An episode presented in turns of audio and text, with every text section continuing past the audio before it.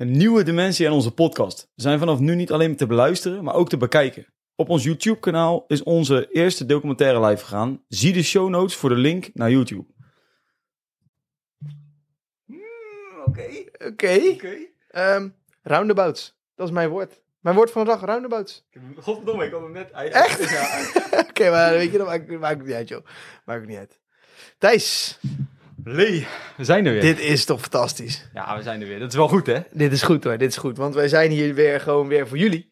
Wij willen het niet, hè? Wij willen het niet. We doen het voor jullie, dit. We doen het voor jullie, ja. We doen het voor jullie. Ehm, een paar series opgenomen, Thijs. En toen dachten wij, we gaan er gewoon nog eentje doen. Nou ja, dat, dat, dat is het idee hier inderdaad. Ja. Kijk, we zijn er nu niet voor een afleveringetje of een, eh, of een specialtje of dit. Ja, nu toevallig voor een specialtje, maar wel met een echt een lange idee. Ik denk, zoals wij nu hebben uitgerekend, zijn wij ongeveer iedere week hier tot en met september. Do you remember? Do you remember? Poeh. En dus dat is wel echt, eh, dat is wel leuk. Ja, dat is gewoon- spannend. Dat is gewoon een mooi nieuw onderwerp waar we in gaan duiken. gewoon serieuze dingen. En is het handig om ook alvast een beetje te vertellen wat we dan gaan doen? Ja, ja, precies. Nou, wat we gaan doen. We gaan vandaag, deze aflevering die eh, jij nu aan het luisteren bent, die gaat over de Franse Revolutie. Met als idee een, een soort van eh, basis te vormen voor de serie die we gaan opnemen en gaan uitbrengen over Napoleon. En die serie Napoleon? precies dat. Over Ja. twee weken komt die online. Twee. Ehm, en wat, het, wat nou het idee is, kijk, de, het, het verhaal van Napoleon, dat wordt een verhaal van een man, maar ook een so- soort van, hij is ook groter dan één persoon. Zeg maar. hij, hij is uiteindelijk de staat Frankrijk en verovert bijna heel Europa en brengt daar allerlei dingen naartoe en maakt, zorgt voor allerlei problemen en heel veel slachtoffers. Dus Napoleon moeten we eigenlijk meer zien als een soort van tijdvak waar Mhm. wij in gaan duiken. Ehm, maar hij is heel jong als die Franse revolutie uitbreekt. En die Franse Ja. revolutie die vormt hem wel heel erg. Dus vandaar dat wij in deze special die Franse revolutie gaan, ehm, gaan behandelen in Ja. eerste instantie Dus, in één aflevering. dus als je het ook een beetje ehm, in mijn hoofd zou bekijken, gaan we het over Napoleon hebben. Maar Napoleon is een kerel die heeft gewoon verschillende puzzelstukjes. En een van die puzzelstukjes is wel gewoon de Franse revolutie. Ja. Of eigenlijk La France Révolution. La Révolution de France. Of iets Dat, dat, dat. Ja. Zo zou ik het noemen. Maar Ja. ik, weet, ik weet dat jij Ja, het is wel goed dat je dit doet, want kijk, wij zijn allebei niet Frans, dus eh, sommige dingen gaan Ik misschien ben een beetje funny klinken gewoon. Ja, precies. Ehm, maar, maar dat is inderdaad het verhaal. Dus wat wij, eh, wat wij nu gaan doen, we gaan, in, we gaan niet heel diep induiken op die Franse revolutie, maar meer even gewoon een soort van eh opfriscursus Ja. zou je kunnen zeggen. Wat was die Franse revolutie? Waar draait die nou om? En als we dadelijk dan over wat dingen hebben in die serie van Napoleon, Ja. dan heb je al een beetje een idee van, oké, oh ja, daar hebben we, dat heb ik een keer gehoord. Dat Ja. heb ik, eh, ik weet wat het is. Ja, en, en over, even over die nieuwe serie. Is het handig om nu alvast daar iets over te vertellen qua inhoudelijk? Of, kort iets doen. Ja, gewoon heel, maar heel kort hè. Oké, we hebben echt een nieuw plan. Eh, het nieuwe plan is het, het volgende. We gaan iedere twee weken een aflevering uitbrengen voor eh, ja, alles en iedereen. Eh, dat is gewoon de series die we normaal al hadden. Dat is wat we eigenlijk dan ook gaan doen. Blijf, blijf gewoon normaal joh. We blijven gewoon normaal. Precies. Tussen die weken in, wat we dan gaan doen, is... Dan, dan worden we gek. Ja, dan worden we gek. Want dan gaan we namelijk de premium afleveringen uitbrengen. En wat wij met de andere series geregeld deden, was dat ik veel meer informatie had om te vertellen dan ik kon vertellen in de tijd die we hadden voor één aflevering. Ja. Dus heel veel liet ik weg. En met deze serie is dat ook weer zo. Toen ik aan het onderzoeken was en alles op een rij aan het zetten was, dacht ik, ja, ik heb gewoon heel veel meer te vertellen dan ik nu kan vertellen. Ja. Dus wat we nu doen, is we vertellen gewoon, net zoals we in de andere series hebben, gewoon het, het verhaal. Maar de dingen waar we normaal wat, wat dieper in zouden willen Ja. duiken, die gooien we in die premium aflevering. ja, slim. Ik vind het echt vaak slim. Eh, dat gaan wij doen hè. Dat is echt slim van Ja. ons. Echt slim van ons. Eerlijk gezegd, gewoon slim. Ja, dat is toch mooi. Nee, dus, dus we gaan gewoon wel op een andere soort van frequentie verder. Dus eerst was het natuurlijk elke, eh, elke week. En nu is het om de week. Maar wel met een specialtje die je gewoon niet wil missen. Kijk, ik zou niet willen missen. En die zit in premium dan. Ja, precies. En daar- daarom ben ik ook hier natuurlijk. Maar ik, ja, ik heb hier wel echt zin in, weet je wel. En wat, wat ik ook mooi vind, is dat we nu ook gewoon wel wat... eh, we gaan verder de tijd terug in, zeg maar. Ja. Ja, ik ben natuurlijk gewoon een, gezien, een geschiedenis-enthousiasteling. Jij bent eh, echt een geschiedenisdocent.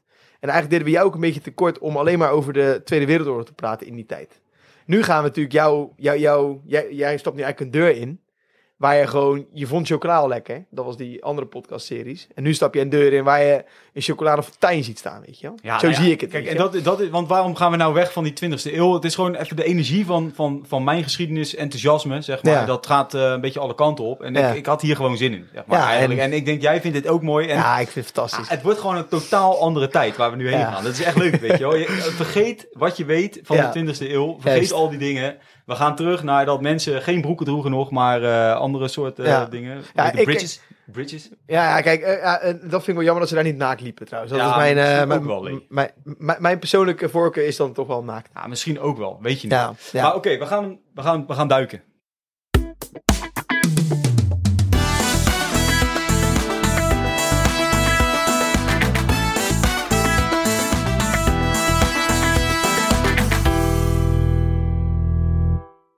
We gaan duiken terug de tijd. En ik ga jullie meenemen naar, ehm, in eerste instantie naar ongeveer eind 1600. En dan denk je, zo, dat is wel heel ver terug. Ja, maar dan moeten we een beetje starten, denk ik, met het verhaal wat we gaan vertellen. Want dat verhaal, dat zou niet bestaan van die Franse revolutie zonder dat we het hebben gehad over de verlichting. En de verlichting is een periode van voornamelijk denken. Dus het gaat niet over, dat is een, een periode die duurt van ongeveer eind 1600 tot eind 1700. Dan zitten we in die Franse revolutie. ja. Waarin filosofen, en dan hebben we het over bijvoorbeeld eh, John Locke, Adam Smith, David Hume, Rousseau en nog veel meer, nadenken over allerlei zaken. Maar over het land. Over het land, over dus zeg maar politiek, maar ook over hoe, eh, hoe moeten mensen met elkaar omgaan, hoe moet je een regering vormen, wat is het onderwijs, hoe gaan we met wetenschap om, eh, wat religie, heel belangrijk, Eh, wat is religie, maar hoe moeten we ook met religie omgaan. En dit lee is zo anders dan de middeleeuwen. Want in de middeleeuwen had je de kerk en je had een koning. Je luisterde voor de politiek, luisterde je naar de koning.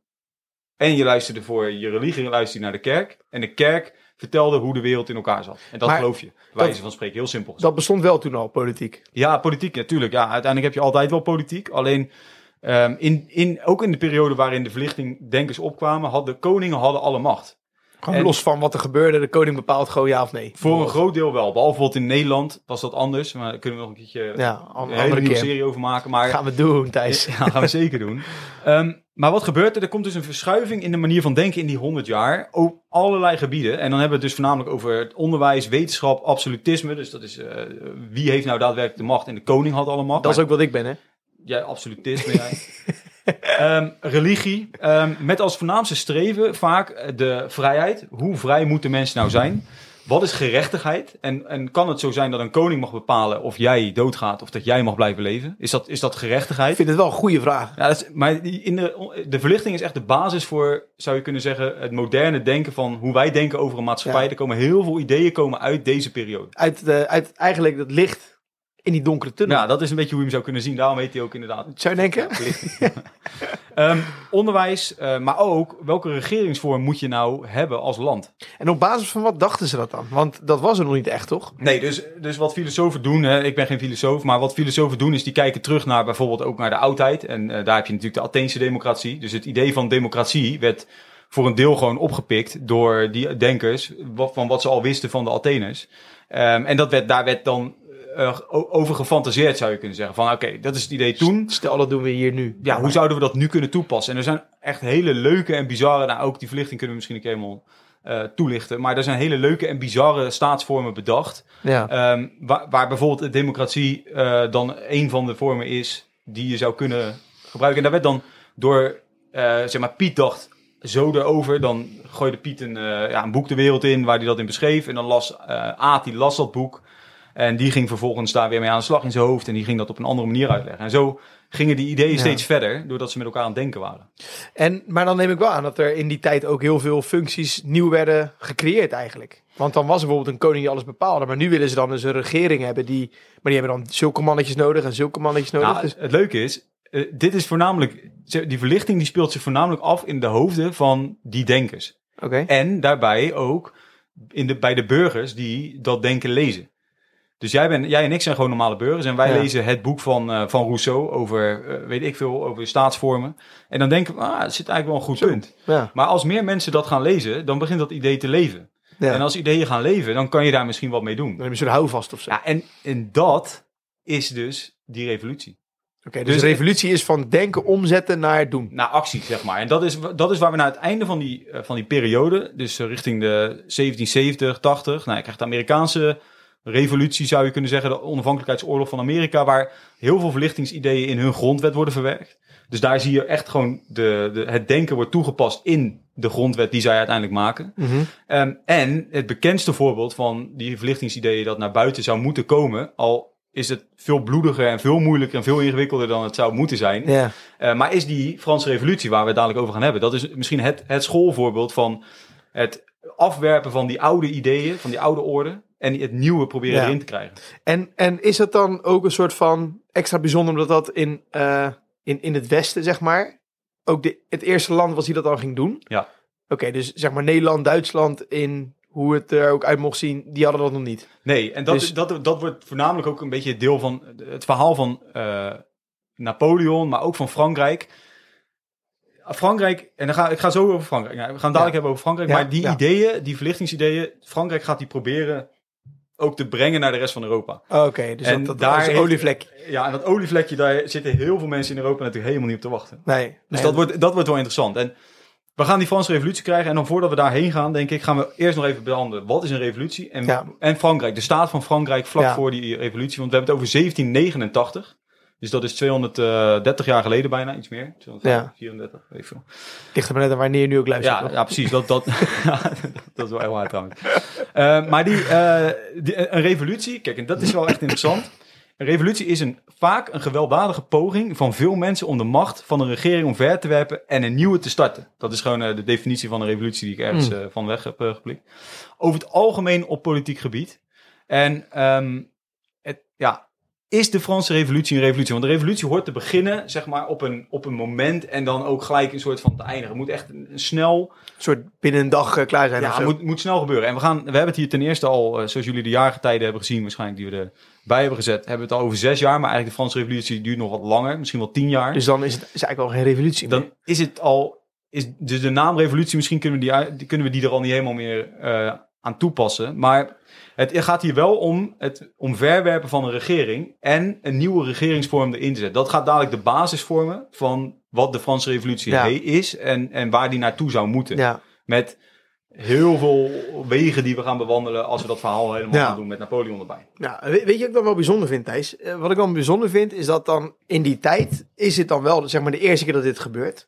Maar hoe weten mensen dan dat dit een revolutie is? Ja, dat weten ze op dat moment. eh, kijk, wij, wij plakken nu als, als nou ja, niet wij, maar historici plakken er nu aan van, hey, dat was, het, dat was zo'n moment. Ja, Hè, op dat moment zitten mensen gewoon in dat moment. oké. Eh, en, dan dan- gebeuren er gewoon dingen en daar handelt iedereen naar. Dus die koning, die is niet bezig, oh, deze revolutie nu, misschien, misschien wel hoor, dat die Ja. eh, ergens wel.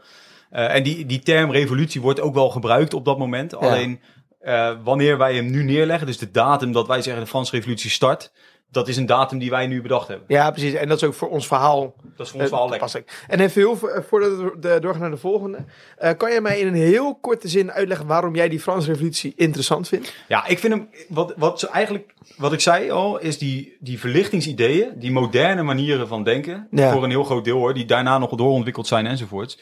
Maar die moderne manieren van denken, die eh, komen in deze Franse revolutie naar voren toe en die worden geprobeerd neer te leggen en uit uitgevoerd te worden. Ja, dus, dus wat jij interessant vindt is echt het moment van denken Ja. naar doen, zeg ja, maar. ja, ik, ik hou van hele radicale veranderingen. En dit is, de oude wereld wordt hier echt door elkaar Ja. heen geschud. Die komt weer terug. Maar dat gaan we heel erg later gaan we ook weer Ja. Maar die komt weer terug. Maar die oude wereld, die krijgt echt wel eventjes wat, Nou, op datus. ja, wat optatus. en, en, en misschien wel, ja, wordt die daar toch wel een beetje vernietigd, zou je achteraf Ja. kunnen zeggen. Al is dat nog niet op dat moment duidelijk. Oké. En dat duurt nog heel lang voordat die daadwerkelijk Ja. weg is. Maar Ja, want, ja, ja, want dat is natuurlijk wel ook wat je net al zei. Het is een soort tijdlijn van 10 minuten of eh, van 10 jaar.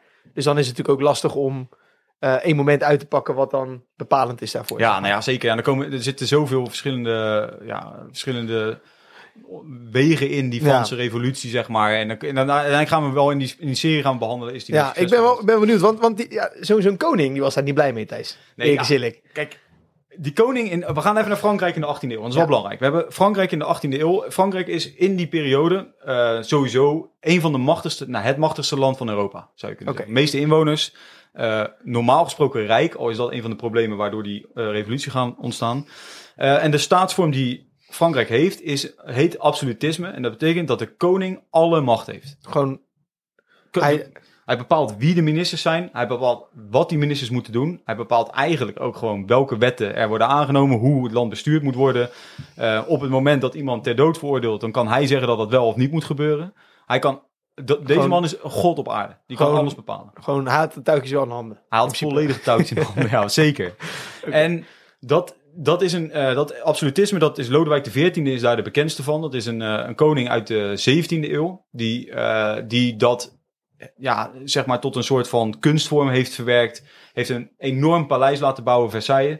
Waar hij dan de, de grote man is. En eh, iedereen die daar is, die danst eigenlijk naar zijn, eh naar zijn pijp, heet dat volgens Ja, mij. En ja. Die, zijn allemaal bezig met, met die koning. Daar moeten we naar luisteren, daar moeten we voor werken. Daar moeten we, alle adel, die zit, die, die, die is, staat achter die koning, valt Ja. onder die koning enzovoort. Hij heeft alle macht over Ja, dus Wat ik nu voor me zie is dat je, dat je dan een keer aan het eten bent met die koning. En dat hij dan een stukje broccoli tussen tanden hebt zitten. Maar ja, ga je dat dan tegen die koning zeggen? Ja, Lee, ja, we gaan het nog een keertje echt behandelen, maar zijn servetjes worden aangegeven door die adel, zeg maar. Als hij zijn mond moet afvegen omdat er een eh, stukje kip hier zit, dan doet iemand anders dat. Zeg maar, alles wat hij doet, dat, dat, wordt, dat, is, dat is bepaald door een soort van eh, etiketten.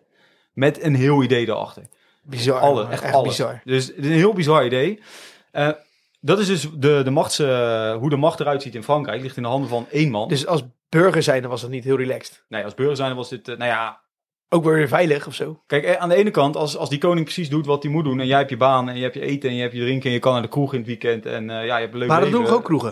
Nou ja, er waren ook gewoon kroegen natuurlijk, zeker. Oh, dat valt Dus- allemaal mee. Ja, dat, dat, dus, dus het valt wel mee. We- Weet je, eh, Nee, en een ander ding wat ik, wat ik hierbij wil eh, meegeven... en dat is een heel oud idee, dat heet feodalisme. En dat is een term die slaat erop dat de koning titels en grondgebied... grondgebied in deze fase al een stuk minder... eh, maar uitdeelt aan de adel. En dat betekent dat de koning voor een heel groot deel bepaalt wie belangrijk is in dat land door hem belangrijke posten te geven of een belangrijke adellijke titel te geven of iets in die richting. ja, want een adel was toch iemand die dan, zeg maar, leeft in het gebied van de koning. In ruil daarvoor gaf hij dan, moest hij dan bescherming bieden aan dat Dat de, stuk juist, land. dat is, dat is de hele, hele oude versie, zeg maar. En nu was het al een stuk minder, maar wel, die adel was nog steeds heel erg belangrijk in Frankrijk. Die had veel invloed.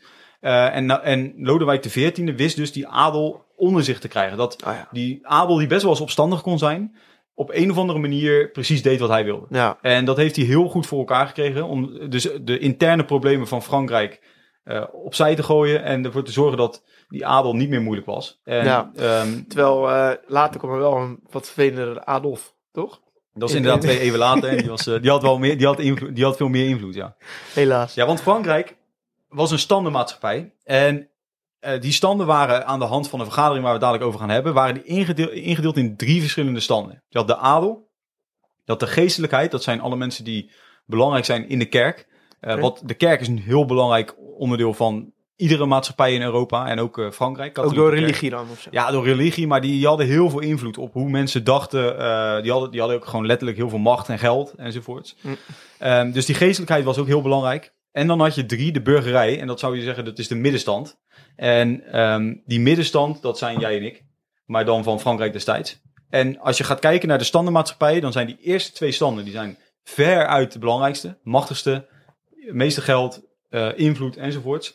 Maar die derde is veruit de grootste. Ja. 98% van de mensen in Frankrijk hoort bij die derde stand. Oh, ja, dat is En- geen verhouding eigenlijk. Nee, en die eerste en tweede stand, die hebben wel weer misschien 98% van het geld in handen. Maar dat zijn veel minder mensen. Ja, niet in verhouding zeg Nee. Niet helemaal eerlijk. Dus die, die, die derde stand, die heeft nagenoeg geen invloed op die staat. Ehm, en die eerste twee standen zelfs zo erg, dat die eerste twee standen betalen geen belastingen. Die hebben veruit het meeste geld, maar betalen geen belastingen. En die armeren, dus die derde stand, die betalen die belastingen wel. Maar heeft dan de koning dat bepaald toen die Ja. tijd? Maar dat, dat, dat vind ik wel een beetje gek. Nou ja, die adel was het, die kon het probleem vormen voor zijn macht. Dus wat, je, wat die koning dacht, als ik nou die gewoon wat minder belasting laat betalen en wat voordelen geef, wat Ah. privileges geef, hè, dan heb ik daar geen last van. Ehm, en dan kan die derde stand, die toch wel ja, doen wat ik zeg, die betalen gewoon die belasting. Ja. En, en zo, dat, op dat idee is dit gebaseerd. En wat gebeurde, even heel kort hoor, wat gebeurde als je toen je belasting niet kon betalen? Als, als derde stand, als, ja, dan, burgerij. Dan, dan, dan kreeg je gewoon eh, problemen. Ja, dan ging je, werd je gewoon opgepakt of eh, je moest gewoon belasting betalen. Ja. Zeg maar, er zat natuurlijk wel een probleem achter. En ook wel lijp dat het toen al belasting was gewoon, hè? Ja, maar dat is, dat is, dat is een. Ik ga dadelijk wel uitleggen hoe dat, eh, hoe dat in zijn werking ging in, tot 1614. En waarom dat in 16, waarom 1614 zo'n belangrijke datum is. In vergelijking met waar we dadelijk heen gaan. Oké. Maar ehm, wat gebeurt er in die twee eeuwen? Want 1614 is namelijk de laatste keer dat eh, de Staten-Generaal, dat is de, een vergadering die de koning bijeen kon roepen om belastingen te innen. en wetten aan te laten nemen enzovoorts. Als hij daarin veranderingen wilde aanbrengen, dan moest hij de Staten-Generaal bij elkaar kwamen. En dan kwamen die drie standen kwamen bijeen, dus stand 1, 2 en 3. En die moesten dan vervolgens die wet aannemen. En dan konden ze een beetje in onderhandeling met die koning gaan. Maar ook iemand van de burgerij dan. Ja, dus die, nou ja, ja, ja en nee. Ze zaten erbij, ze mochten wat zeggen. Maar wie, wie, Maar- wie was het dan? Nou, dat waren gewoon wel eh, belangrijke burgers. Gewoon mensen oh, dus iemand die wel als burger werkte, maar wel belangrijk was. Ja, en Oh, dat- zo. dat- Oké. In die, in die twee eeuwen, want in de, sinds 1614 is de Staten-Generaal nooit meer bijeengekomen tot 1789. Nou, dat gaat het, zeg maar, keypunt worden van dit hele ding. Maar in die twee eeuwen zijn die eh, burgers in Frankrijk wel rijker geworden. Ja, zeg, meer invloed gekregen, maar ook meer ingelezen. Zeg maar. Daarvoor was de burgerij, waren vaak boeren die wat minder eh, invloed hadden überhaupt en eh, niet, niet heel veel kennis. Maar in die twee eeuwen ontwikkelden zij zich wel door. En zij waren voornamelijk aanhangers, dat waren juristen en eh advocaten, zeg maar, mensen Ja, wel slimme, slimme, slimme lui. lui, Ja. die, die lazen zich ook in, in die verlichtingsideeën. Dus, dus ja, in 1614 hebben ze nog een keertje bij elkaar gezeten. En toen had, eh, die, die, die hadden ze weinig invloed. En vervolgens dacht de koning, al 170 jaar later, dacht hij, oh, dat ga ik nog een keer doen. Ja. Maar in die 170 jaar is die derde stand is veranderd. Dat is een andere derde stand geworden dan de derde stand die in 1614 voor het laatst bijeen Dus de tijd veranderde, maar dan dus ook met de burgerij veranderde dus ook mee, zeg maar. Ja, die, die, die Ja. namen die ideeën van die verlichting met zich mee. En die namen Ah. die ideeën met, van die verlichting mee naar die vergadering die we gaan behandelen. Dus dat Mooi. wordt wel interessant. Ja. Want voordat we naar de Franse revolutie gaan, ehm, dan wil ik even bedenken over de staat van waarom kon er een revolutie plaatsvinden in Frankrijk? Wat, is daar dan de, wa- wat zijn een aantal redenen? De Franse financiële situatie is heel belangrijk. De, Frankrijk, de euro liep niet lekker. de euro, de livre, volgens mij is dat het eh, ding, eh, die liep niet lekker. Je had, of, eh, je had de Amerikaanse onafhankelijkheidsoorlog. Die was in de jaren 70 en 80 van die eeuw. Daar heeft Frankrijk zich heel erg mee bemoeid. Financieel gezien. En daar heb ik soldaten daarheen gestuurd. Eh, om te vechten tegen die Britten. Want dat zijn hun aardsvijanden. Daar gaan we het met Napoleon heel lang over hebben. Ehm, maar ook andere oorlogen in die, ehm, in die eeuw zorgden ervoor dat Frankrijk gewoon dik in de schulden zat. Oké. Door oorlogen. Zou kunnen zeggen vanaf Lodewijk XIV, die alle macht naar zich toe trok. Toen hij stierf, liet hij in Frankrijk achter in schuld. En, dat, Matig, man. ja, en dat, daar kon Frankrijk niet echt van herstellen. Ook het leven van die koning kostte veel geld. En het probleem van, die, eh, van het leven van die koning, ja, is, hij, het kostte heel veel geld, maar het zag er voornamelijk ook een beetje gek uit. Frankrijk heeft schulden, daardoor problemen. En die koning die leeft als een god. Dat, Ja. dat is een beetje lastig om En te verkopen. waarschijnlijk ook omdat het al heel lang duurt. Een, een, lange periode is dat dit gaande is. Zal waarschijnlijk ook wel een beetje gek zijn natuurlijk. Ja, dus het is inderdaad vanaf 1700 pak een beet, is zit Frankrijk in die schulden. En dan 1789 zitten ze nog steeds in diezelfde Ja. problemen. Er verandert vrij weinig. Ja, hoe moet je daarmee omgaan? Ja. Dat is dan een ding. En daar, gaan ze al, daar, daar komen veranderingen in. Wat heb je? Ehm, en dat zijn dingen waar de koning helemaal geen invloed op heeft. Slechte oogsten zijn in de jaren 80 een ding. Dus dat betekent dat mensen wat minder eten krijgen, eh, voedselprijzen stijgen, droogtes, veeziektes. Dat zijn omstandigheden waar een koning vrijwel geen invloed op heeft. Alleen die zijn er wel. En die, dus zeg maar, alle randzaken als het ware, die spelen ook een grote rol in de onvrede die uiteindelijk in 1789 tot een uitbarsting gaat komen. Ja, dat is ook. Dit, dit is wel een beetje een soort levensding, toch? Dat als alles top zou zijn, dan zou dat minder zwaar wegen. En Dat- nu is het nou, allemaal is- een soort van fucked up. En dan is het eh, dubbel zo fucked up. Kijk, als Frankrijk al die oorlogen gewoon wint. Dus ze verloren ook een aantal. Maar als, alle, Frankrijk al die oorlogen gewoon wint. Het volk heeft gewoon eten. eh, iedereen kan naar de kroeg op zaterdag. eh, iedereen zit in de kerk op zondag. Dan is er niet zo heel veel aan de hand. Maar als je dus oorlogen aan het verliezen bent. Die schulden stijgen. Jouw belasting wordt er steeds meer. ehm, ja, je hebt geen eten. Dan word je dus een beetje Dan ga je- un- unhappy, zeg maar. Dan ga je, ga je zoeken. Dan ga je zoeken. Dus wat, wat gebeurt er? In 1786 zitten we nu. eh, gaat Charles, Charles Alexander de Colon. Die gaat, eh, in, die gaat een eh, nieuw wetsvoorstel indienen in naam van de koning. Hè, dat heeft hij uitgedacht.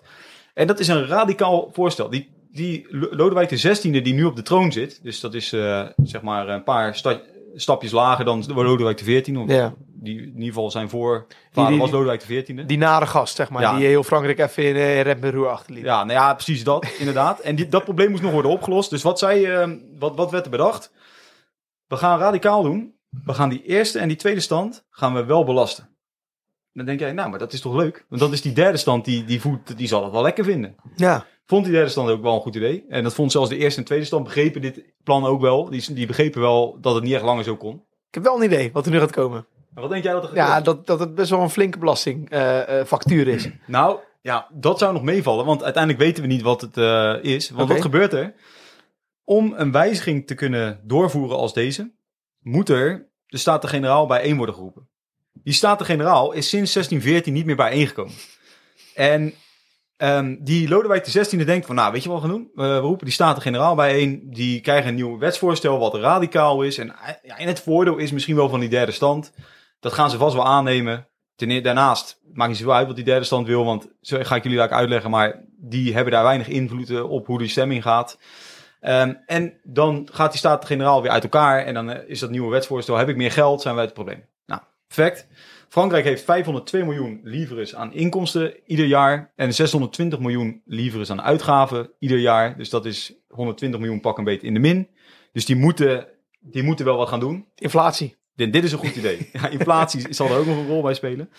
Dus hij roept voor het eerst sinds 1614 roept hij die Staten-Generaal bijeen. Nou, wat is nou van oudsher een ding? Iedere stand mag ideeën ehm, meenemen naar die Staten-Generaal. Je mag een soort van dingen inbrengen om tegemoet te komen, zeg maar. Jij vraagt, de koning vraagt wat van jou. Dus jij mag wel wat vragen van de koning. Dus ik zie zo'n ideeënbox nu. Weet je, op elke hoek van de straat. Ja. Ideeënbox. Zo'n zo'n leuk schattig geverfd doosje met zo'n brievenbusding. Dat je je plannetje erin kan gooien, weet je. Ja, dan mag je dan inderdaad een ideetje Ja. ingooien. En dan gaat de koning, die gaat een keertje, die gaat een keer zitten, een avondje. Je gaat graaien. En die gaat graaien. Zo. En die, eh, en die, en die, eh, ja, die gaat dus eigenlijk ervoor zorgen dat, eh, ho- hoopt hij dan, dat hij daar eh, zonder problemen, die koning dan, doorheen kan komen. Nou, wat, wat gebeurt er? 5 mei 1789 komen die gasten bijeen. Dus die Staten-Generaal, die eh, duurt een paar jaar, hè, dat wordt opgezet en dan moet iedereen over nadenken. En dan komen ze uiteindelijk bijeen en dan, eh, zoals ik al zei, dan zitten die derde standen bij elkaar. En die derde stand vertegenwoordigt dus 98% van de bevolking van Frankrijk. Nog steeds is dat zo hoog, zeg maar. Ja, dus dat is nog steeds zo'n groot getal. Het systeem van die Staten-Generaal, dus die, die stemming, is zo in elkaar gezet dat als, de, als er twee standen voorstemmen, dan telt de stem van de derde stand niet meer. De adel en de geestelijkheid hadden eigenlijk altijd dezelfde belangen. Ja. Dus die stemden altijd samen voor of tegen een voorstel. Wat die derde stand, 98% van de bevolking dus, zei, dat maakt dus verder helemaal niet uit in dit verhaal. Want Nee. ja, stem voor of stem tegen, eh, Ja. het wordt toch wel aangenomen. Want eh, dat, dat is wel een probleem. Dus wat wil die derde stand? Die willen twee dingen. Een aantal meer dingen hoor, misschien maar de twee belangrijkste dingen. Zij willen gelijke representatie. Dus dat betekent, we gaan daarheen en wij gaan stemmen. En onze stem is zoveel waard als dat wij aan stemmen meebrengen. 98% van de bevolking. Maar dat is wel echt veel. Ja, dus zij wilden meer balans in dat systeem. Dat ze, dat ze dus Gewoon eerlijker. ja, dat zij invloed konden uitoefenen op een voorstel wat gedaan werd. En zij wilden graag dat de adellijke veto werd afgeschaft. En dat is een, veto waarin de adel kon zeggen... als er iets zou gebeuren wat ze echt niet wilden... dan kon de adel die kon zeggen veto en dan gebeurde het niet. Dus zelfs al zou een wetsvoorstel er doorheen komen... Eh, dan, dan kon de adel zeggen... nee, gaan we niet doen. dit is een soort de ABC kappen niet meer mee. Eh, Ja. ABC kappen mee. Ja, ja. Dit. Maar wel vlak voordat je getikt wordt. Ja, precies. Je rent weg. Ja. Tak, tak, tak, tak, tak. ABC kap mee. Ja, precies dat. Ja, je, ziet, je ziet dat die gozer sneller is dan jij, weet je wel. Hij is sneller dan jij en dan komt steeds dichterbij en dan, dan stop je ermee. En dan is hij weg, denk je. eh 1, 2, 3, ik ben er weer mee aan het doen. En dan ren je weer door. Oké ja, dan. dus... Nou, en wat, wat gebeurt er? Ehm, die... Kijk, die, die representatie, dat is gewoon het grote probleem hier. Want die, ehm, die eerste en tweede stand, die begrijpen best wel dat de belastingen betaald moeten worden. Dat kunnen ze wel bedenken nu. Maar die gelijke representatie, dat is wel echt een lastig onderwerp. En dat gaat, eh, dat gaat gewoon hier het conflict zijn. Want dat wil de adel en de geestelijkheid wil dat niet. En de burgerij wil dat wel. Ja, ik snap wel dat ze dat echt niet wilden. Terwijl ze diep van... Als zij heel logisch nadachten, dan wisten ze ook wel dat het nodig was, denk ik. Ja, Maar ik snap wel dat je je een soort van eh, kwetsbaar voelt... als je een adellijk of een, eh, of een geestelijke bent, zeg maar. Ja, want je, dus natuurlijk een deel van jouw macht zit hier, hier zit jouw Ja, macht in. precies. En ja. dat gaat dan weg. Dus wat gaat er nu gebeuren? Eh, we zitten ergens dus in eh, mei, juni 1789 en we hebben een, eh, het, het, het- dat debat over hoe moeten we nou stemmen is naar het publiek getrokken. Dus het is eigenlijk, dat, is- dat debat is veel groter gegaan dan, het, dan dat het blijft in die vergadering of iets in die richting. Hey, eh, jongens, houd even binnen kamers eh, hier zo, hè? Ja, precies. We gaan het wel, ja, dat gebeurt dus niet. Nee. Het is gewoon openlijk, is het openlijk gewelddadig naar buiten toe ook. Dus op straat, zeg maar, bemoeien mensen zich ermee. Iedereen denkt hierover na. Iedereen is ermee bezig. En, En ze ruiken ook bloed, ja, precies. En die drie standen onderling, die, die hebben een beetje matpartijen, zeg maar. Of qua in ieder geval mot met elkaar over deze, ehm, di- dit onderwerp. Waarna uiteindelijk die gelijke vertegenwoordiging wordt afgewezen. Dus we zitten in juni 1789. En die gelijke vertegenwoordiging die de derde stand... Ze hebben erover gepraat, ze hebben erover geruzied. Maar nee, gaan we niet doen. En hebben ze ook een reden daarbij verteld dan? Ja, nee, ja, ja, nee. Kijk, die adel wil gewoon, die wil niet die macht kwijtraken. Dus Nee, dat maar, is dat kan niet, maar heeft hij dat gezegd ook? Nou ja, dat, zullen Met wel- andere woorden of zo dan? Met andere woorden Ja. zal er wel over gepraat zijn. Maar wat doet nou die derde stand? Want nu gebeurt er iets radicaals. En iets waarvan, dit had de koning nooit bedacht. Dit had, die hadden andere standen hadden het ook niet bedacht. Want het systeem wat in 1614 nog had gewerkt, Ja, dat is niet meer, dat, dat systeem is hetzelfde, maar de tijd is anders. ja. Die derde stand, die zeggen, nou wat wij dan doen, dan gaan wij naar een kaatsbaan, dat is een soort tennisbaan, ouderwetse ten- tennisbaan. We gaan naar een tennisbaan die hier in de buurt zit. Daar komen we allemaal bijeen met die derde stand. Dus gewoon de, alle vertegenwoordigers van de derde stand komen, die gaan daar staan. En die zeggen, de nationale vergadering, dat is niet de plek waar wij werden afgewezen net. De nationale vergadering is hier, op deze tennisbaan. En dat heet de eet van de kaatsbaan. En zij zeggen, vet. op 20 juni, dus zijn ze drie dagen staan ze op die tennisbaan, eventjes, weet je wel, met, eh weet je wel, Tenniskleding. hapje erbij, drankje erbij. DJ'tje speelt daar op de achtergrond, weet je praten over politiek. Allemaal zo'n bandje om en groen was vrijgezel, rood is eh, bezet. Ja, precies. Dat, hey, dat keer. Hey. Dus wat gebeurt er? 20 juni, na drie dagen praten, komt die eet van de kaatsbaan. En wat zegt die derde stand? Die zegt, nou, wij gaan niet uit elkaar voordat er een grondwet is waarin iedereen gelijk is. Vind ik mooi. Ja, radicaal dit. Ja, ik vind het wel mooi. En, en, maar ook wel dapper. Het is, het is ook dapper. Want je weet dat hij afgewezen was eerder. Ja. Toch? Ja, en je weet dat er één man is in Frankrijk die hiervan denkt, wacht even, wat, wat? Waar hebben we het over? Dat is natuurlijk Lodewijk XVI, die koning. Ja. Die kijkt hiernaar en die denkt, nee, wat gebeurt hier nou? Maar wat ondertussen een beetje gebeurt, is dat, die, dat er een aantal leden van... Want er zijn ook mensen van de adel en de geestelijkheid die die verlichtingsideeën aanhangen. Ja. En die toch er misschien wel een beetje mee eens zijn. Ja. En die sluiten zich aan op die kaatsbaan en die gaan daar ook mee praten. En die zeggen van, ja, jullie hebben eigenlijk wel een goed punt. Jullie horen meer invloed te hebben. Ja. Want wij, ik, ik, ik, ik hang die ideeën aan. Ik vind we moeten gewoon moderniseren enzovoort. De staat moet er anders uitzien. En vervolgens, na zeven dagen, dus eh, zeven dagen na die eet van de kaatsbaan, is dan eh, 27 juni, voelt Lodewijk zich ondertussen gedwongen om te zeggen, ja, iedereen moet naar die kaatsbaan. Want dat is inderdaad nu de nationale vergadering. Maar Hij heeft verloren daarin. Hoeveel man zouden dat ongeveer zijn dan? Ja, het, volgens mij zijn dat 300 man. Dat is wel echt veel, hè? Ja, dat is wel veel. Maar kijk, eh, het, het- zeg maar, het, het maakt nu al zijn de 20. Maar waar het, om, waar, het om, waar het om gaat is dat die derde stand heeft afgedwongen dat die nationale vergadering, die eigenlijk ergens anders is, dat die nu plaatsvindt waar zij willen, op de voorwaarden die zij willen. Ja. En dat is namelijk dat er een nieuwe grondwet gaat komen. Ja. En eh, ja, dat is natuurlijk totaal niet waar de adel en de geestelijkheid op zat te wachten. En eigenlijk ook niet waar eh, Lodewijk XVI op zat te wachten. Nee. Die zaten daar helemaal niet op te wachten. Nee. Nou, ze gaan nu, zitten ze daar op die, eh, op die, nou ja, op die tennisbaan, zitten ze dan. En dat gaat, nog, dat gaat gewoon door. Ze gaan dus daar praten over nieuwe grondwet en over hoe ze dit moeten doen. En dat gaat heel lang door. Maar ondertussen in Parijs ontstaat er onrust. En men is bang in Parijs over een, dat er een militaire coup gaat plaatsvinden. Ehm, aan de hand van de ideeën dat er een nieuwe regering moet komen. Waar bijvoorbeeld de koning wordt afgezet. En Ja, Waarbij Frank- scenario's ja, maar er komt een beetje paniek in, in Frankrijk. En eh, je hebt in Frankrijk heb je de Bastille. Dat is een eh, fort, oud fort, dat omgebouwd was naar een gevangenis in, eh, de, af, in de jaren daarvoor. En dat stond in Parijs. En de Bastille, dat werd, dat is een, daar lagen ook wapens. En die geruchten van dat er misschien iets militair ging plaatsvinden, Uh-oh. gingen ervoor zorgen dat burgers, dat gewoon mensen, jij, en- de jij en ikken van, de, van Frankrijk, van Parijs gingen denken, we moeten wapens hebben. En waar liggen die wapens? Ja, die gingen daarheen natuurlijk. Ja. Die gingen daarheen. Op 14 juli gaat dus een menigte gaat naar de Bastille toe. En dat is dus dat fort. En die gaan daar voor de deur staan. Die gaan die deur intrappen.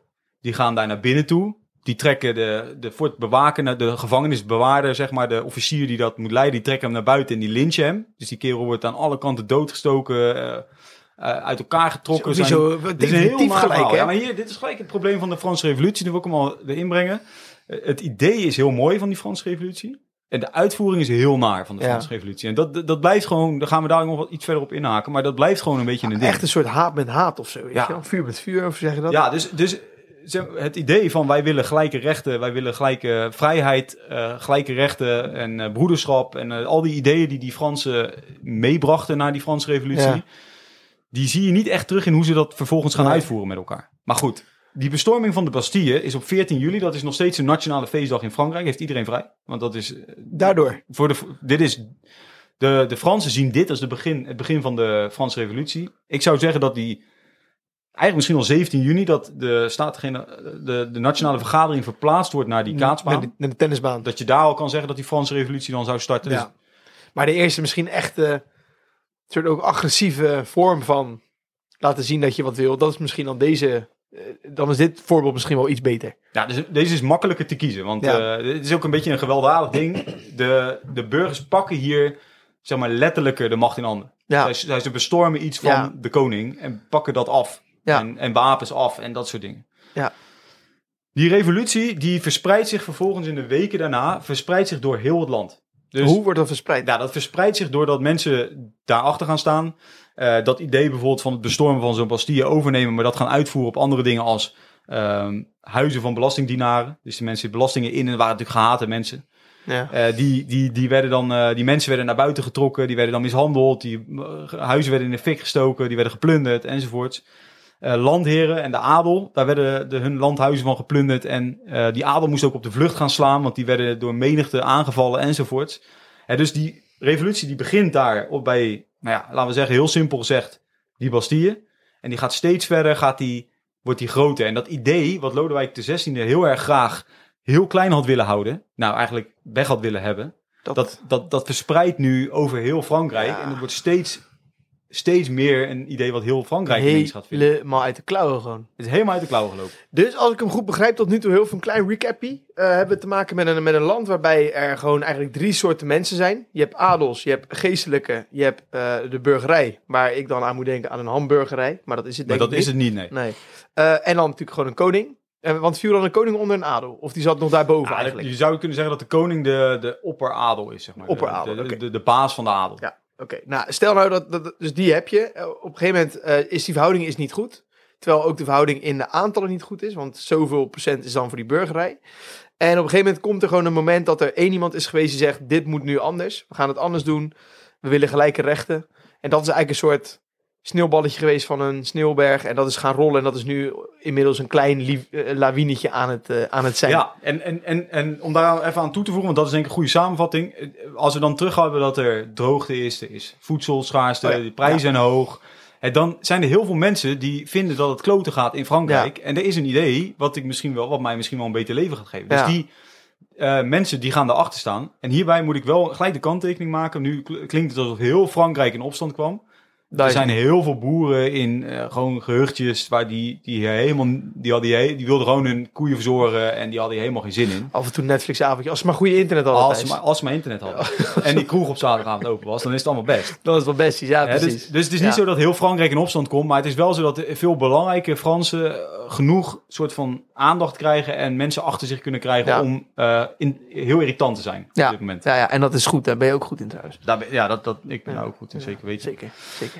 Waar gaan we nu heen? We gaan nu richting augustus 1790, dat is een maandje later pak een beet. En ehm, je, je, je zou kunnen zeggen, dus 4 augustus vind ik al een mooie datum om eh, dan in augustus te beginnen.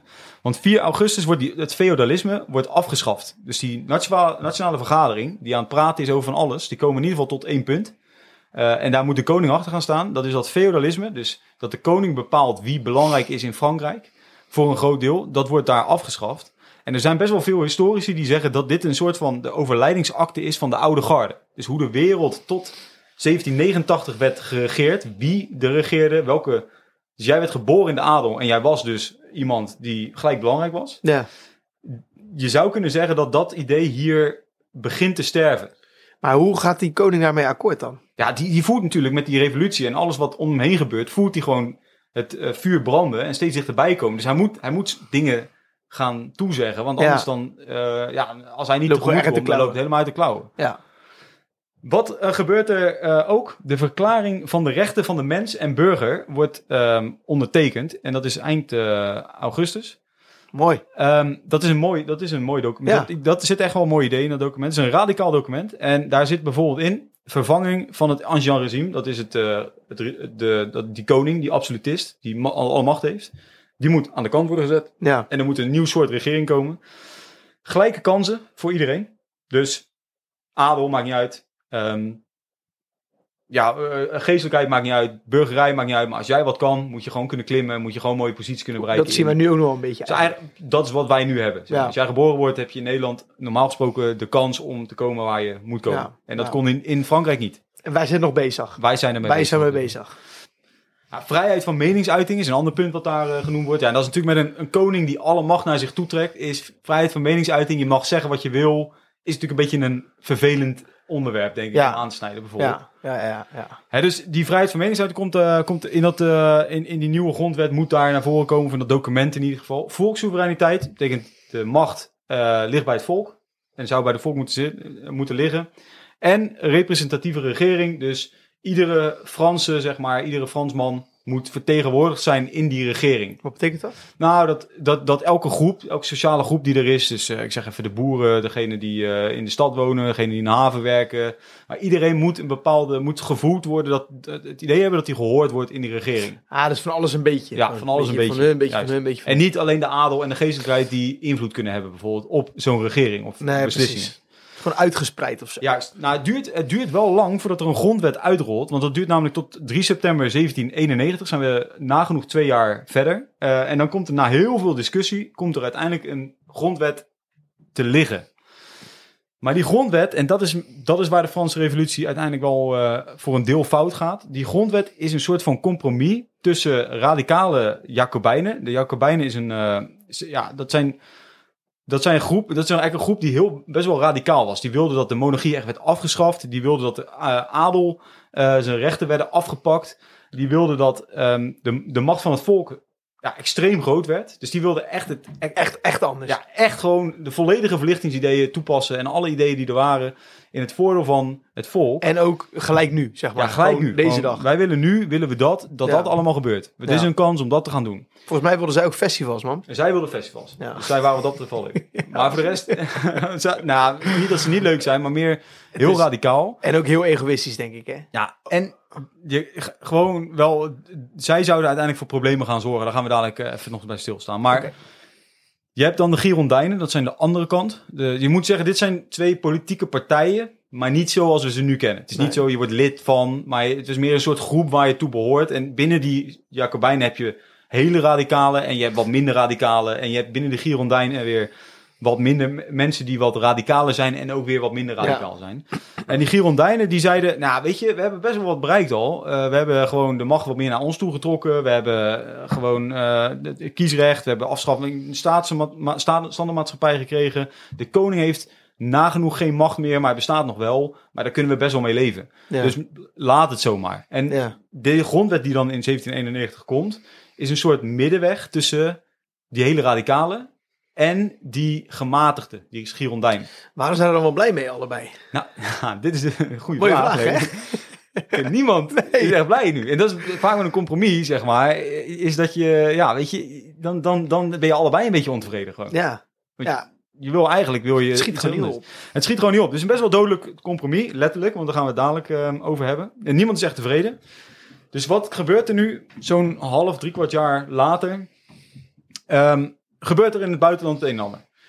Frankrijk is het belangrijkste land, maar die ideeën van die revolutie zijn heel gevaarlijk voor landen buiten Frankrijk. Want daar zitten namelijk allemaal koningen en allemaal adel die daar invloed hebben in al die landen enzovoorts. En die nieuwe regering van Frankrijk, die dan na die grondwet eh, aan de macht komt, die voelt zich een beetje genoodzaakt om die oorlog te gaan verklaren aan bijvoorbeeld Oostenrijk en Pruisen in Maar april 1792. omdat zij dus anders zijn. Ja, omdat zij die ideeën hebben en die Jacobijnen, die radicale gasten, die willen die ideeën verspreiden naar heel Europa. En om dat te doen moet je gaan matten.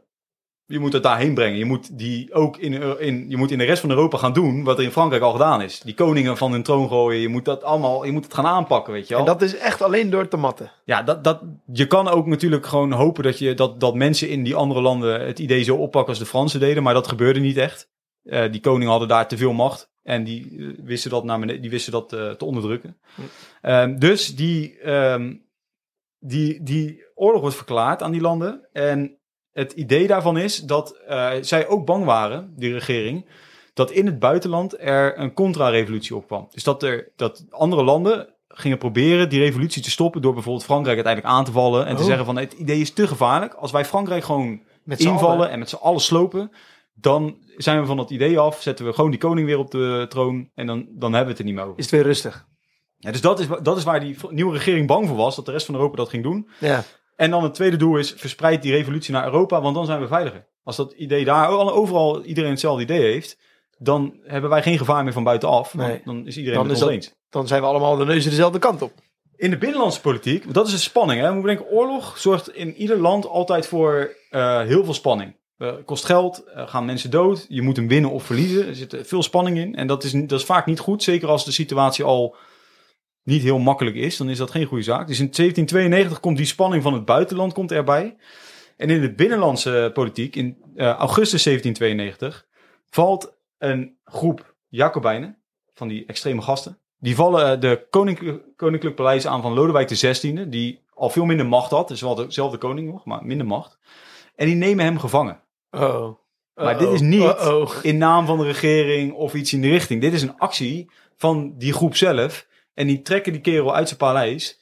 En die brengen hem naar een gevangenis. En die gooien de koning van Frankrijk in, in de gevangenis. Maar dat is wel pittig, toch? Dit, dit is echt wel een, eh, een, flinke, een flinke pittige stap. Maar ik ben wel heel benieuwd hoe dat dan, eh, hoe dat dan nu verder gaat met hem, Ja, die koning. nou, daar gaan we, daar gaan we het zo eh, over hebben. Ja. Want het, gaat, dat gaat een kant op natuurlijk. Ja, tuurlijk. Ehm, wat er ondertussen ook gebeurt, is dat er een soort van ja, paniek gaat heersen. Die, die Jacobijnen die doen dat, die proberen daarmee een klein beetje de macht naar hun hand te zetten. En eh, die ga- gaan ook gewoon andere mensen die tegen hun bewind zijn, gaan, gaan ze vermoorden. Dus die Gewoon- trekken ze uit hun huizen en die worden gewoon vermoord op straat enzovoorts. Zij gaan zeg maar rechtdoor en iedereen wat op het pad komt te staan, dat gaat gewoon... Juist. Iedereen die maar lijkt op het pad te kunnen gaan staan, die, die, die is ineens een doelwit geworden. Ja. En ehm, dat, dat gaat een aantal maanden gaat dat zo door. Eh, tot en met 21 januari 1793. Want dan wordt namelijk de koning van Frankrijk, die in de gevangenis zit, die wordt onder de guillotine geplaatst. En dat is, de, dat is zo'n, je, je hoofd wordt dan neergelegd in zo'n rondje, weet je wel. En dan Mhm. valt er zo'n scherp mes valt naar Zo'n beneden. scheermes. En dan bap, is je kop is eraf. Ja. Maar de koning van Frankrijk wordt dus ehm, op, een, op ja, de gewone normale burgermanier wordt die ter dood gebracht in Frankrijk. Maar eh, is hij niet bevrijd dan of zo? Nee, want eh, die, die Jacobijnen weten dus dit wel voor elkaar te krijgen, dat dit een, echt wel een ding is en dat ze dat, eh, dat, ze dat konden gaan doen. En ehm, ja, die... Kijk, uiteindelijk zijn er natuurlijk heel weinig mensen zoveel voorstander van de koning, want dat is gevaarlijk. Als jij je uitsprak voor de koning, was je dus tegen de re- revolutie. Tegen de anderen. Ja, dus als jij zei, ja, die koning, laat hem vrij, man. En zei, maar dan ben jij volgens mij, dan ben jij Dan- fan van de koning. Dan ga je dus mee nu. En dan kan jij uitleggen, ja, nee, ja, maar ik ben geen fan van de koning, maar ik vind dit wel heel erg overdreven, zeg maar. Zet dit- die jongen daar neer. en- Dit wat jij doet is echt goed, want dit is dus wat wij niet moeten doen met deze podcast. In, waar we nu in gaan vertellen. We moeten niet onze gedachten plaatsen in de mannetjes van toen. Zeg maar. Nee, nee, zeker. Dat is heel moeilijk. Ja, En je, je bent dus, jij, als jij dus uitsprak voor de koning, al is het voor zijn leven, dat je zegt, nou, het is overdreven om te doden, dan kon je al worden aangemerkt als, ja, maar dan ben jij dus tegen de revolutie. En als Ja. je tegen de revolutie bent, dan moet Weet jij ook ter dood worden gebracht. Dat is heel gevaarlijk. Dus er Ja. zit een heel moeilijke middenweg om, om te bewandelen. zij werd gewoon vermoord, joh. Ja, en negen maanden later wordt ook nog eens zijn vrouw, eh, Marie-Antoinette, die wordt ook nog eens vermoord. Onder dezelfde manier. Wa- Ja, waarom? Omdat zij een symbool was voor datgene wat ze niet meer wilden hebben. En dat, maar waarom eh, negen maanden later al? Was ze op de vlucht? Nee, nee, nee. Zij, was ook, eh, zij zat er ook vast. Alleen een vrouw onder de guillotine laten vermoorden. En dan ook de koningin, die op zich ja, geen echte invloed had. Is, moet je nog even wat langer over nadenken, denk ik, zoiets. Ja. Maar die werd uiteindelijk ook vermoord. En eh, in juni 93 nemen dan ook die Jacobijnen, dus dat is nog een eh, halfjaartje later, die nemen de macht over in de nationale vergadering. En die kondigen bijvoorbeeld een nieuwe kalender af met allemaal rare namen waar we in de serie van Napoleon het nog wel over gaan hebben. Want een aantal opstanden en belangrijke gebeurtenissen vinden plaats in zo'n rare naam, maand. En die wordt daar dan ook heen genoemd, dus daar moeten we het over hebben. Eh, met bijvoorbeeld een van de doelen, de uitroeiing van het christendom. Dus het christendom mag niet meer bestaan in Frankrijk. Nou, dit is Maar dat kan niet, toch? Nee, dit is extreem radicaal. Want heel veel mensen zijn gewoon christelijk. Ondanks dat ze wel voor de revolutie zijn in een bepaalde zin. Zijn ze super christelijk. Ehm, en ja, die ga je niet blij maken op het moment dat jij tegen hun zegt van... je, je hoort in één keer... eh, hè, je, je- dat mag Wat- je niet meer doen. En wat moesten ze dan worden? Ja, niks. Ja, dan, hoor je, dan heb je geen geloof meer. Oh. Ja, wat wij eigenlijk ook wel hebben trouwens. Maar goed, Ja. eh, dat, is nu, toen, dat was toen natuurlijk iets heel geks. Toen was het anders. Ja, dus hoe gaat het nu? Vanaf, die, vanaf het moment dat zij de regering vormen in juni 93, komen de volgende tien maanden wordt in Frankrijk de terreur genoemd. Dus de terreurmaanden. Nou, dat klinkt niet gezellig, Thijs. Dat is totaal niet gezellig, want ehm, minimaal, en dit zijn de schattingen lopen ver uiteen hier hoor, In die tien maanden worden minimaal 17.000 mensen geëxecuteerd als tegenstanders van de revolutie. Ja, dat is, wel, is wel, wel, wel veel. ik vind het wel veel tijd. Ja, minimaal hè? Ja, dus dat is, ja, ja. Ja, ik vind het wel veel.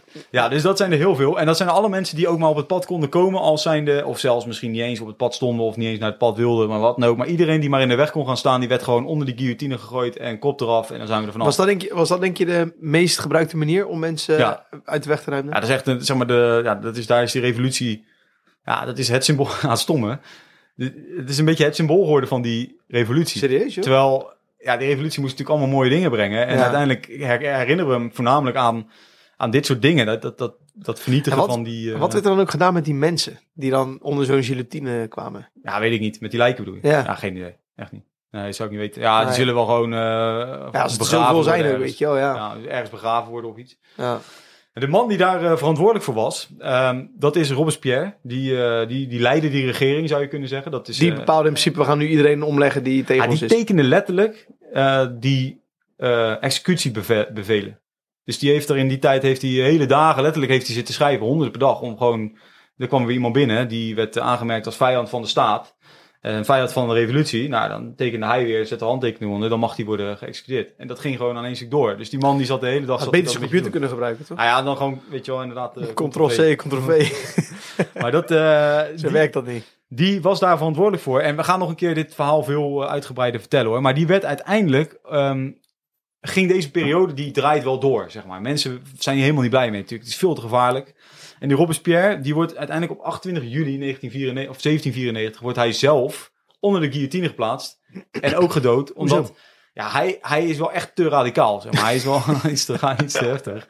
En uiteindelijk is dat natuurlijk eh, waar die Girondijnen, die andere kant van de medaille, die, die, die keken ernaar en dachten, jezus man, dit gaat wel echt fout gewoon hier Ja, maar dit, ik zie nu voor me dat je zeg maar een advertentie plaatst en zegt, ja, wij willen, wij willen dat hier een hele goede pizzeria komt. Ja. En iemand opent de pizzeria die zo lekker is dat je zegt, ja, goed, je bent zo goed, jij moet dicht. Ja, nou ja, dat, dat, dat, dat is het idee, denk ik inderdaad. En ehm, hij wordt gedood in juli 19 1794. Eh, zijn we bijna aan het einde van dit verhaal trouwens, voor iedereen die, eh, die luistert. Ehm, hey, jij, ja, jij daar.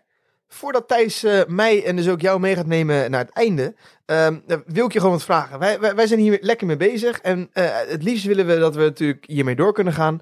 En jullie steun kan daar gigantisch bij helpen. Je kan ons steunen eh, door eh, naar beneden te scrollen en lid te worden van onze premium podcast. Je krijgt daar veel bonussen voor. Ehm, wij worden er blij van en wij kunnen dan doorgaan met dit. Dit wat we voor jou aan het doen zijn.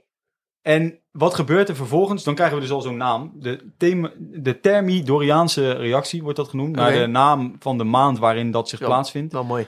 Ehm, die wordt eh, zo genoemd omdat die... Ja, dat is een beetje een rare naam. Maar goed, dat, dat is eigenlijk juli. Laten we het zo zeggen. Gewoon, Gewoon jullie. Zullen, zullen wij 94. gewoon jullie zeggen? Nemen die Girondijnen nemen de macht over. Dat zijn die gematigdere gasten van die revolutiekant. Iets... eh, De mensen die het overleefd hebben, deze fase. Want je moet bedenken, heel veel Girondijnen waren tegenstanders. En we- werden dus gedood ja. nemen deze, ehm, ja, nemen, de, nemen nu de macht over van die Robespierre. En die komen aan met een eh, nieuwe ja, grondwet, zou je kunnen zeggen, in 22 augustus 1795, waar bijvoorbeeld Frankrijk een tweekamerstelsel krijgt, wat wij hebben, Tweede Eerste Kamer. Ehm, er wordt een nieuwe regering ingezet en dat is de directoire. Dat wordt geleid door vijf man- mensen die gekozen worden door het parlement en die leiden het land. Dus dat zijn de, de, de macht ligt dan bij vijf verschillende mensen. Dat is wel goed. Dat is op zich een goede zaak. Hè? Dus dit, dit is best wel. Hier gaan wij het met Napoleonse serie ook nog veel over hebben.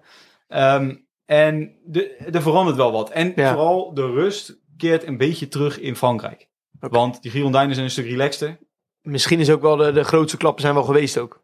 Dat denk ik ook. Ja, Ja. bijna iedereen was dood. Dus, ehm, Ja, dus je, je had ook niet veel mensen niet die... veel over. nee, precies. Maar toch gebeurt dat. Die nieuwe grondwet wordt aangenomen. Ehm, en er gaan natuurlijk tegenstanders, de Jacobijnen, die gaan de straat op. En hier is bijna het verhaal voorbij wat ik nu vertel, maar dat gaat, later gaat het wel even door. Want wat gebeurt er? er is, we zitten in 1795 ondertussen. Ehm, die tegenstanders die gaan die straat op en die, die willen ja, dat, dat, die nieuwe regering challenge een beetje aan, misschien wel aanpakken als ze dat kunnen. En er krijgt een jonge generaal ehm, van eh, 26 jaar, die krijgt de opdracht om die tegenstand neer te slaan. En je moet bedenken, Frankrijk zit jarenlang in een periode waarin geweld ge- wordt gere- er wordt gereageerd op geweld door geweld. Dus je krijgt die terreur en alles eraan. Maar nu wordt er een jonge generaal neergezet en die krijgt de opdracht van ja, de straten van Parijs zijn onrustig. Regel dit eens een keer. Doe regel dit goed. ding. Dus wat doet Napoleon Bonaparte? Oh, dat is Napoleon. Dat is Napoleon. Die komt die straat op en die veegt honderden slachtoffers te, ten gevolg. Die veegt die straten leeg van Parijs. Zodanig en zo hard dat de komende jaren niemand de straat meer op durft om te protesteren. Dus echt gewoon... Jij staat daar met je bordje eh, een beetje te protesteren en jij krijgt zo'n waterknol op je, op je mail en jij denkt, nou, dat gaat mij niet meer gebeuren. Ja, maar ja, en in dit geval een waterkanon was voornamelijk gewoon echt wel eh, gewoon echt eh, geschud met eh dodelijke gevolgen. Dus honderden, honderden prijzenaars eh, sterven in deze ja, operaties. dat is dan maar. wel weer radicaal van hem. Ja, dus we gaan. Kijk, en, en daarom is het zo interessant, denk ik, om dit te doen. Want dit verhaal, dat hangt dus achter Napoleon. Dit is de eerste keer dat Napoleon als politiek figuur echt groots naar voren komt op, eh, op het toneel van de revolutie. Mhm. Wij gaan de serie, gaan we vanaf denk aflevering 3, pakken wij dit verhaal weer op en dan gaan we ermee verder. En we gaan in aflevering 1 en 2 gaan wij Napoleon zijn jaren richting dit moment gaan we beleven. En dan komen die vet. verhalen komen zeg maar bij elkaar. Ehm, maar dit is dus de Franse revolutie tot, tot 1795, die nog wat langer duurt. Maar dan met Napoleon. En dat verhaal gaan we natuurlijk oppakken. Gaan wij dat doen? Dat gaan, Oh, dat, dat gaan wij doen. dat gaan wij doen. Oh, dat gaan wij doen. Nou, ik vind het wel dik hoor. Gewoon dat dit, dat dit zo dan eh, met zoveel, met, met, een, met zo'n goed idee is, of met zulke goede ideeën is, maar dat het dan zo bloederig eh, verloopt, zeg maar. Ja. En ook langdradig, weet je wel. Hebben ze eindelijk zo'n voorstel? Moeten ze weer twee jaar wachten voordat die grondwet wordt, wordt toegevoegd? Ja, ja. Is het een keer toegevoegd? Komen zij weer aan de macht? Zij moorden iedereen, dan komen zij weer aan de macht. En dan uiteindelijk is daar onze... Napoleon. Eh, Die, daar een rol in speelt. En ja, vanaf nu wordt het verhaal van Napoleon ook wel echt interessant. En eh, dat, dat gaan we natuurlijk vertellen in die serie. Dus er komt, er komt heel veel boeiends aan. En die revolutie is niet ten einde eh, op dit moment in onze podcast. Alleen, ja, dat wordt dus later opgepakt. Maar Ja. Ehm, om even nu tot nu toe, de, de, de revolutie is niet echt een succes. En dat is wel jammer, want het idee van, van, van die revolutie is heel leuk. Eh, de gel- gelijkheid, broederschap en eh, weet je wel, gelijke kansen voor iedereen, eh, rechten en dat soort dingen. Allemaal mooie ideeën. Alleen ja, zoals je hebt gemerkt, de manier waarop ze proberen die ideeën erin te leggen, ja, is gewoon niet, is nu op dit moment nog niet heel succesvol. Wer- Werkt niet. Werkt niet. Het werkt niet. Dus nu de vraag voor onze serie, als je gaat luisteren, Dat ga jij. Vanaf aflevering 3, 4, pak een beet. Wat gaat Napoleon in godsnaam doen Ja. met die revolutie, met al die ideeën, Ja, eh, met de macht? Waar komt die macht te liggen? Hoe gaat dat allemaal verder? ja super dik. daar gaan wij het over hebben. Dat, Super dik, want wij weten allemaal wel een beetje wie Napoleon is, maar niet vanaf, eh vanaf kinds af aan, weet je wel. en dat gaan we eh, inderdaad over twee weken komt, gaan we het hebben over waar wordt Napoleon geboren, wie zijn zijn ouders, ehm, wie hebben hem gevormd, wat heeft hem gevormd, waar komt hij uiteindelijk, hè, hoe komt hij uiteindelijk op die positie terecht? Dat hij Ja, die generaal kan zijn die in Frankrijk of in Parijs die straat schoon gaat vegen. Zeg maar, wat, wat gebeurt daar allemaal met hem? hoe, hoe, hoe werkt dit, zeg maar? Hoe werkt hoe, dit? hoe werkt dit eigenlijk? Dus dat is het verhaal, Lee. Lekker, maat. Ja, ik, ik, ben, ik, ik vind het wel weer dik, hoor. Ik ben, ik ben sowieso blij dat ik hier gewoon zit met jou natuurlijk. Maar ik vind het wel ook een eh lijp verhaal. En over zo'n revolutie zelf heb ik nooit echt eh, heel veel kennis. eh, ook, ook op school als ik even te denken van... Ja, ik heb er maar nooit echt daar iets over ge- geleerd of zo. Maar dat het met zoveel geweld was, dat, dat wist ik zeg maar echt niet. Nee, dit is wel echt een hele bloedig hoor. Ja, Dus, en- en, maar is dat- is dat- slachtoffers. Is Ja. dat bij elke revolutie die er ooit is geweest zo geweest? Nou, Zeg de, meeste, de meeste revoluties gaan gepaard met bloed. Ja, En ge- eigenlijk geweld en geweld met bloed. En er zijn een aantal revoluties. eh, ja, in Engeland heet dat de Glorious Revolution. Dat is een, eh, in 1688. Nou, daar ga ik nu niet helemaal over hebben. Nee. Maar daar, daar was dan weinig bloed bij eh, gevloeid. Alleen eh, daarna, in de jaren daarna weer wel om die burgeroorlog te winnen. Dus Ja, dus dit is altijd wel een beetje een soort van... eh, Ja, want weet je wat het is? Degene die de macht heeft, wil de macht niet uit handen hebben. En degene Ja. die de macht he- willen, die gaan hem pakken, kosten wat kosten. En als je die twee dingen tegenover elkaar zet, dan gaat er gebotst Ik worden. zie, ik zie het een beetje als, als een soort van verjaardag, zo'n tafeltjesverjaardag. En dat jij, dat, dat jij bent iemand die heel veel paté op je toosje smeert. Weet je, jij bent dan die Aaron, die grote, dat doe jij lekker Ja. veel. En op een gegeven moment zegt iemand, ja, ik wil ook een beetje. En jij zegt, ja, ja Nou, nee, man niet. nee, nee, ik wil gewoon zelf. Ja. En die gaat dat toch doen. En dan krijg je een soort Ja, dan van, krijg je eh, dus, ik eh, krijg een mat, een mat, matverjaardag. ja, maar dat is wel leuk, vaak wel het leukste moment van de verjaardag. trouwens. Als je met z'n allen in zo'n kringetje zit, wordt het eigenlijk matten. Dat vind ik altijd Ja, wel dat is wel lachen. Dan Ja. zie je de, de, de, de, de kaarsjes en de zilveruitjes, Ja. die vliegen, eh, vliegen je op mijn oren. Maar als het dan gemat wordt, is het weer wel. Dan, dan is het zo. Blijf, blijf nog even. hè. Blijf nog even. Dan in de- hoekje staan. Biertje ook erbij. Beetje erbij. Weet je, Zo, oh, zo, zo, zo, zo. Ja, dat is het inderdaad. Zo kan je Ja, ik ben erbij. Ja, zeker. Wanneer? Ja. Hey, twee weekjes. Volgende Ja, week krijg je introductie eh, naar de serie eh, die we gaan doen. Gaan we even kort wat vertellen. En de week daarna gaan we starten met de serie Napoleon. Napoleon. Jongens thuis, ehm, Thijs ook trouwens bedankt. Een stukje fetus. Roundabouts. Roundabouts. zijn de key to The everything. man. key to man. En we zien elkaar. Later. Later.